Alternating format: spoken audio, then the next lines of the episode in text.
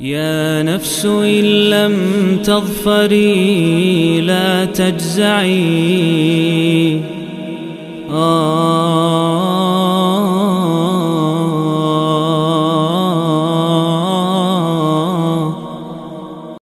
بسم الله الرحمن الرحيم. الحمد لله والصلاة والسلام على رسول الله. أما بعد إن الله لن يتندري سريال 114 hari menyambut bulan Ramadan Dan kita di surat Al-Haqqah surat yang ke-69.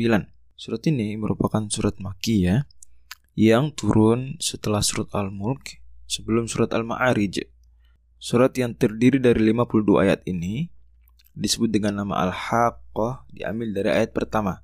Al-Haqqah yang artinya hari kiamat. Hanya saja memang nama hari kiamat di dalam Al-Quran beragam dan masing-masing nama tentu memiliki makna khusus tersendiri. Meskipun sama-sama hari kiamat terjemah umumnya tetapi dari sisi apa dia hubungan dengan hari kiamat itu masing-masing kata, masing-masing term, masing-masing nama ada kekhususannya. Adapun al-haqqo kiamat disebut al-haqqo karena kiamat pasti terjadi. Al-haqqah dari kata hak pasti terjadi. Nah, dia benar, benar akan terjadi, pasti. Dari situ maka tema besar surat ini dapat ditebak. Karena tema besar ya kaidahnya kata Ibnu Asyuti berkaitan erat dengan nama surat yaitu tema besarnya adalah kepastian terjadi terjadinya kiamat kelak.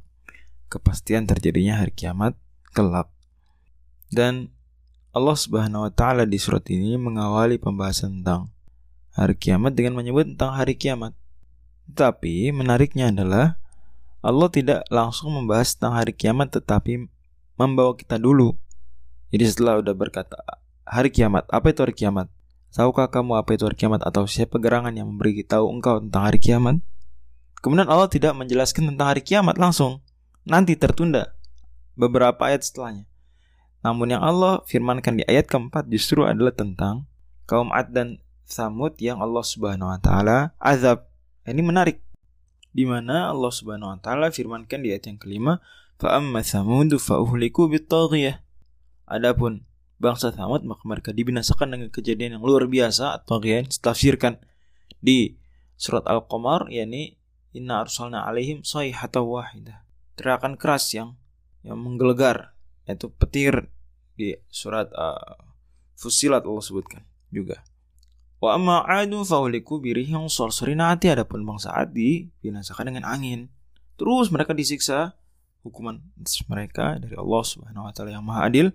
Fahal tarolahum min baqi ayat ke-8 menariknya Allah bilang, kamu lihat ada yang tersisa. Jadi Allah mau menggambarkan bahwa kiamat itu kenapa sih kalian meragukan?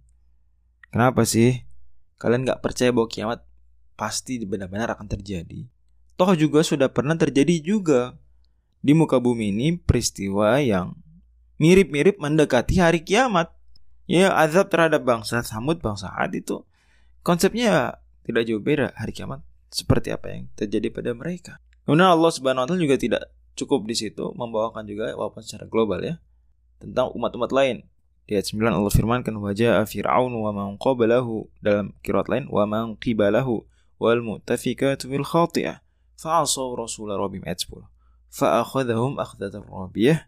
Kemudian Allah ceritakan lagi juga tentang azab terhadap bangsa Nuh kaum Nabi Nuh ya manusia itu mereka saja. Ya inna lamma taghal ma hamalnakum fil jariyah. Dan semua Allah Subhanahu wa taala sebutkan hal tersebut. Tujuannya apa? Allah firmankan ayat 12 lina ja'alaha lakum tadhkiratan wa ta'iyyaha udhun wa'ih. Adab-adab tadi Allah ceritakan. Wabil khusus juga termasuk perahunya Nabi Nuh adalah agar menjadi tadhkir pengingat buat kalian. Dan agar telinga telinga yang mendengar dengan seksama mengambil pelajaran. Makanya baru Allah Subhanahu wa taala kemudian berpindah set ke peristiwa peristiwa di hari akhir.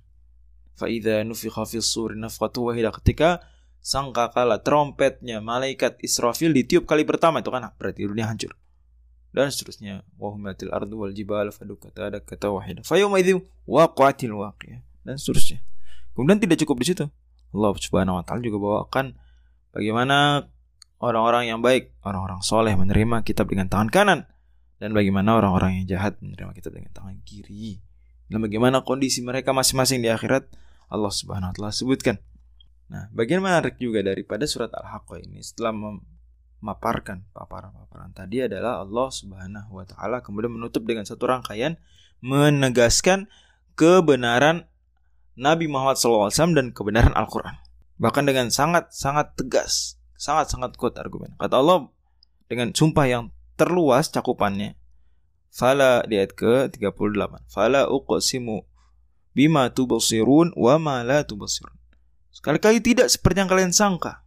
Tentu lauksimu ya pembahasannya bukan di sini untuk membahas tafsir lauksimu sederhananya la di sini membantah suatu klaim yang mereka klaim kan ini salah satu tafsir yang paling mudah difahami. Ada tafsiran lain bukan di sini tempat membahasnya. Kali-kali tidak seperti yang kalian klaim tersebut. Sungguh aku bersumpah kata Allah dengan apa yang kalian lihat. Semua yang kalian lihat. Wa malah tuh semua yang kalian tidak lihat. Kata para ulama objek sumpah itu kan ya matahari misalnya bintang wasyams wan najm atau apa pun lah dari makhluk-makhluk Allah dan itu bisa satu makhluk, dua makhluk, beberapa makhluk. Tapi ini seluruhnya bahkan tidak terbatas makhluk. Allah juga bersumpah berarti termasuk dengan dirinya. Karena faloqsim tubsirun wa ma la tubsirun. Semua ini ini sumpah terumum. Berarti sangat kuat dong. Allah sampai bersumpah dengan segala sesuatu ma tubsirun wa ma la tubsirun. Untuk apa? Untuk mengatakan innahu laqulu rasulin karim. Bahwa Al-Qur'an benar-benar ya firman Allah melalui malaikat Jibril utusan yang mulia dan melalui Nabi Muhammad utusan yang mulia juga.